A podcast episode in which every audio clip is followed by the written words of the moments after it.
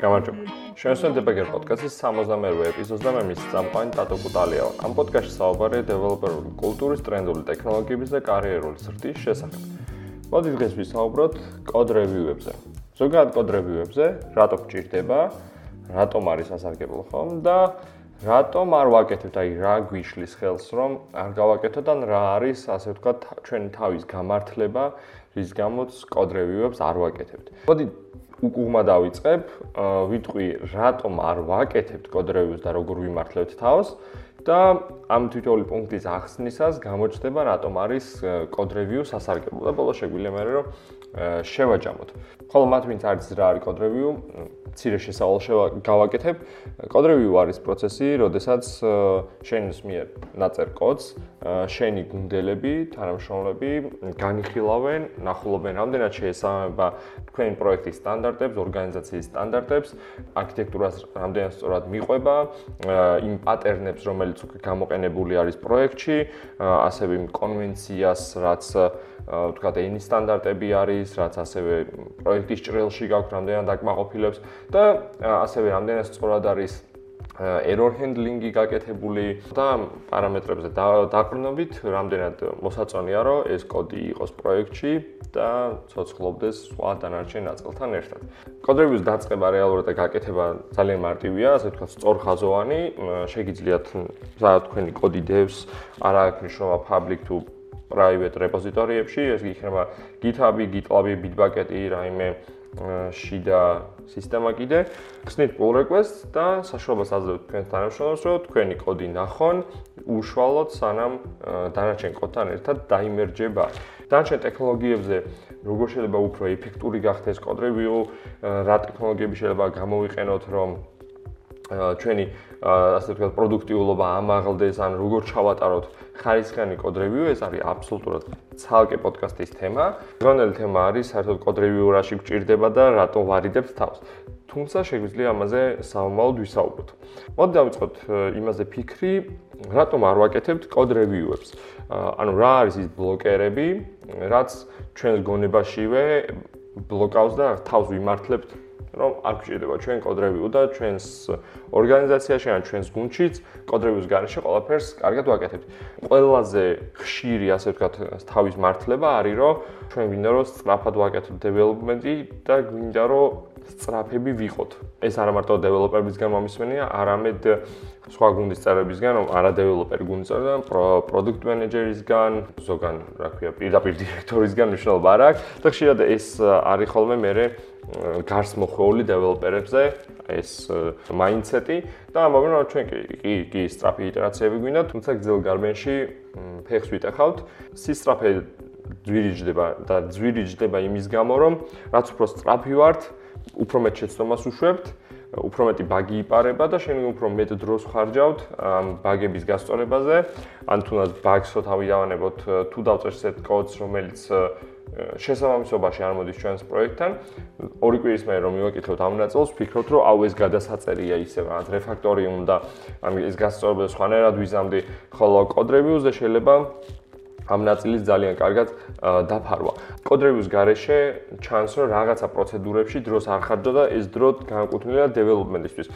პირველი 2-3 სპრინტი, ან რავი, რაც ქვია ამ იტერაციას ორგანიზაციაში მნიშვნელობა არ აქვს, ჩანს სწრაფი, იმიტომ რომ ჯერ არ არის დაგროვილი ტექნიკური ვალი და ყველაფერი მიდის ასე ვთქვათ უპრობლემოდ, მაგრამ დროთა განმავლობაში, როდესაც დაგროვდება მეორე მხარეს ეს ჩვენი ტექნიკური დავალიანება, მე რა ის დიდი მონსტრი ერთიანად მოგვერევა და იწევს ჩვენს შენელებას. ამიტომ რეალობაში ეს სისტრაფე არის ილუზია და ძალიან კაფიო ხაზი უნდა გაუსვათ, რომ ეს სისტრაფე არ არის არ არ უნდა იყოს პანიკაში მყოფი ადამიანის გავსად, რომ ყველაფერს მიედმოედოს და ყველაფერში რომ ჩქარობს და საბოლოო ჯამში არაფერი არ გამოსდის რა. ანუ რეალურად თუ გინდა რომ ჩქარა იარო, რეალურად ქონდეს ხარისხიანი სწრაფი იტერაციები და გამართული იყოს გუნდი, უნდა აკეთო კოდ რევიუები, ქონდეს რაღაც თავდაჯერებულობა უკვე რომ შენი კოდი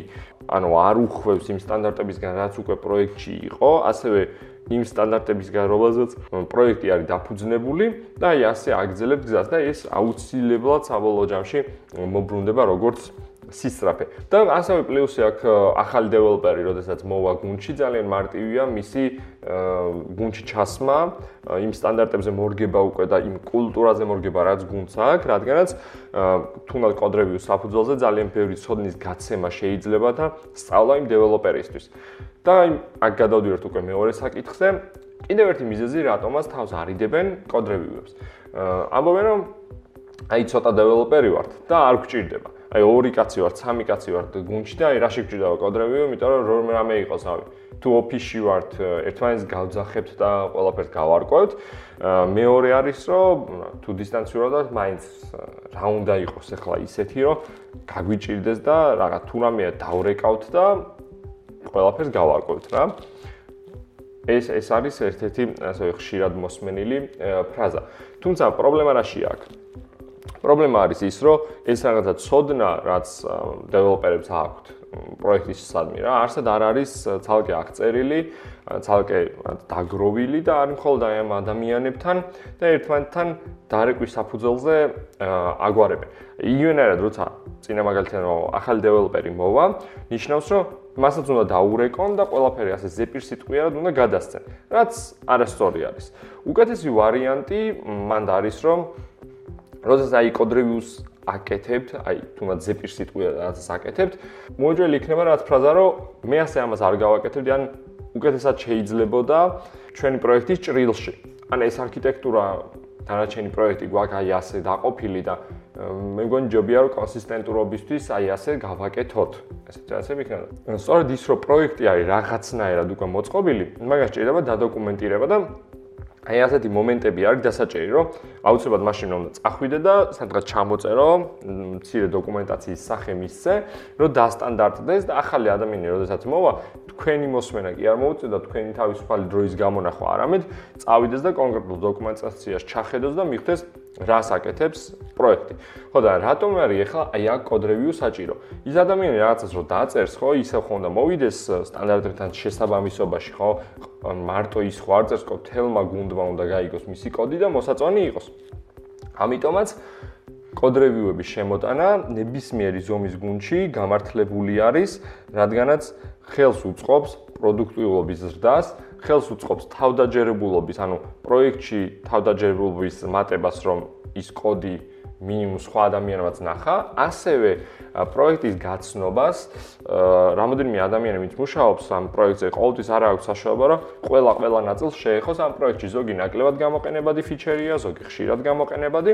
ამიტომ კოდ რევიუებით შეუძლიათ, რომ იმ კოდის ნაწილს გაეცნო, რომელთანაც შეხება არ ქონდათ და დაას ლოგიკა დაიჭირონ, როგორ მუშაობ და ესეც ნიშნავს, რომ ერთ ადამიანზე არაზოს არ იქნება პროექტი დამოკიდებული და სხვა ადამიანებსაც აქვთ შესაბამისი ცოდნა ამ პროექტის შესახებ და პასუხისგებლობა აღებული.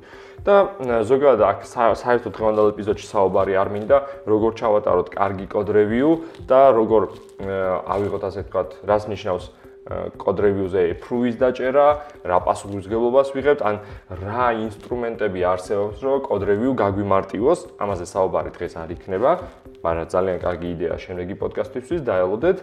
მოდი ვისაუბროთ ახლა ერთ-ერთ კიდე მესამე გაცვეთილ მიზეზზე, რატო შეიძლება რომ კოდ რევიუ ავირიდოთ თავიდან. მესამე მიზეზი გამიგია ერთ-ორჯერ, ხშირად არა, მაგრამ მაინც შევიტანე. გადავხედე მე მედიუმის ბლოგებსაც, სხვა ადამიანებს Twitter-ზე, რა მოსაზრებები ქონდათ ამაზე და მივხვდი, რომ უნდა შეგვეტანა. ერთ ასეთი არის ისეთ ხალხი, ვინც ამბობს, რომ pair programming-ი გვაქვს მაგის ასანაზღაურებლად. აი მეორესთან ძალიან ახლოს არის რა. აა, როდესაც დეველოპერები დაწყვილდებიან და საერთო დეველოპმენტს აკეთებენ და ამ ხრივ აზიარებენ ცოდნას. pair programming-ი ცალკე აღებული ძალიან კარგი რაღაცა არის. თუმცა აი pair programming-ი versus pair debugging-ი ამაზე კიდე შეიძლება ცალკე ეპიზოდის გაკეთება, ესე ძალიან კარგი თემა არის. კარგია, თუმცა საერთოდ ვერ მოვა ახლოს code reviews-თან. იმიტომ რომ ჯერთი ორ-ორი კაცი დაწყვილებული არის და ეს ცოდნა ისევ რაღაც კონცენტრირებულია რამოდენიმე ადამიანში. მეორე, რომელიმე ადამიანი რო წავიდეს ამ კომპანიიდან, მაშინ რა შვებით? ისე დადოკუმენტირებული არ გვაქვს არაფერი და თვითონ კოდ რევიუ არის რაღაცა სახის დოკუმენტაციაც, იმიტომ კოდ რევიუების ისტორიას რო ჩამოხედავ, ნახავ ვინ გააკეთა, თუნდაც ვინ დაუჭირა მხარი ამ ცვლილებას, ასევე ნახავთ კომენტარებს, რა კეთდებოდა ამ პროექტში, ვის მოსწონდა, ვის არ მოსწონდა, ვინ იყო რაღაცის წინააღმდეგი, როგორ იცლობდა მთლიანად და იმ კომუნიკაციის დანახვა შეიძლება და უცხო გუნდში რაღაცა სრულად უცხო ადამიანსაც კი გამოცდილ ადამიანს, რა თქმა უნდა, რო დახედავს კოდ რევიუს ისტორიას, შეუძლია დაინახოს გუნდური პროცესები და დაინახოს აი გუნდში რა დამოკიდებულება არის ზოგადად პროექტისადმი. ანუ შეიძლება კოდ რევიუ კეთდებოდეს იმიტომ რომ კოდ რევიუ ერქვას, მაგრამ შეიძლება კოდ რევიუ კეთდებოდეს იმიტომ რომ რეალურად ეს ადამიანები ზრუნავენ პროექტზე და რეალურად ზრუნავენ თავიანთ ყოველდღიურ სამსახურს. ამიტომ pair programming-ი ცალკე აღებული ძალიან კარგი რაღაცა არის, თუმცა code review-ს ჩამნაცვლებლად ვერ გამოდგება. ორივე ერთად თუ კეთდება, ხო, ძალიან კარგია და ვფიქრობ, რომ ორივე ერთად უნდა კეთდებოდეს და ასევე pair debugging-იც უნდა კეთდებოდეს.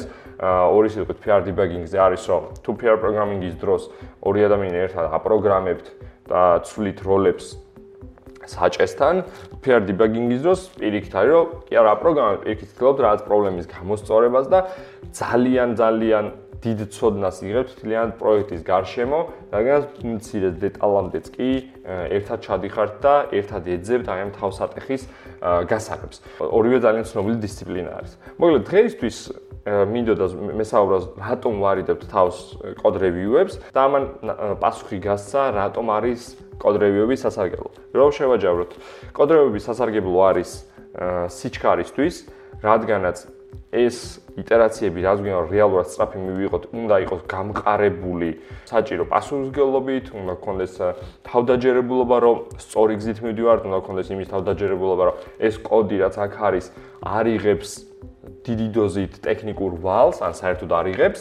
მეორე არის, რომ იძლევა რაღაც სახის დოკუმენტაციას, იძლევა ურთიერთობას დეველოპერებს შორის, იძლევა სტანდარტებს და ასევე იძლევა საშუალებას ახალი დეველოპერი ძალიან მალე ჩავისვათ გუნდში და მესამე, კოდ რევიუ არ არის მარტივად ჩანაცვლებადი, საერთოდ ფიქრობ ჩანაცვლებადი არ უნდა იყოს სხვა დისციპლინებით და ეს არის ზუსტად მისი სარგებლიანობა, რომ თუ კოდ რევიუს ჩვენ ავითვისებთ, ავტომატურად გვაძლევს იმ ბენეფიტებს, რაზეც ვისაუბრე, მაგრამ არა პირიქით თუ მის ჩანაცვლას ვეცდებით რამე სხვა დისციპლინა, სხვა დისციპლინა იგივე ბენეფიტებს ვერ მოგცემს.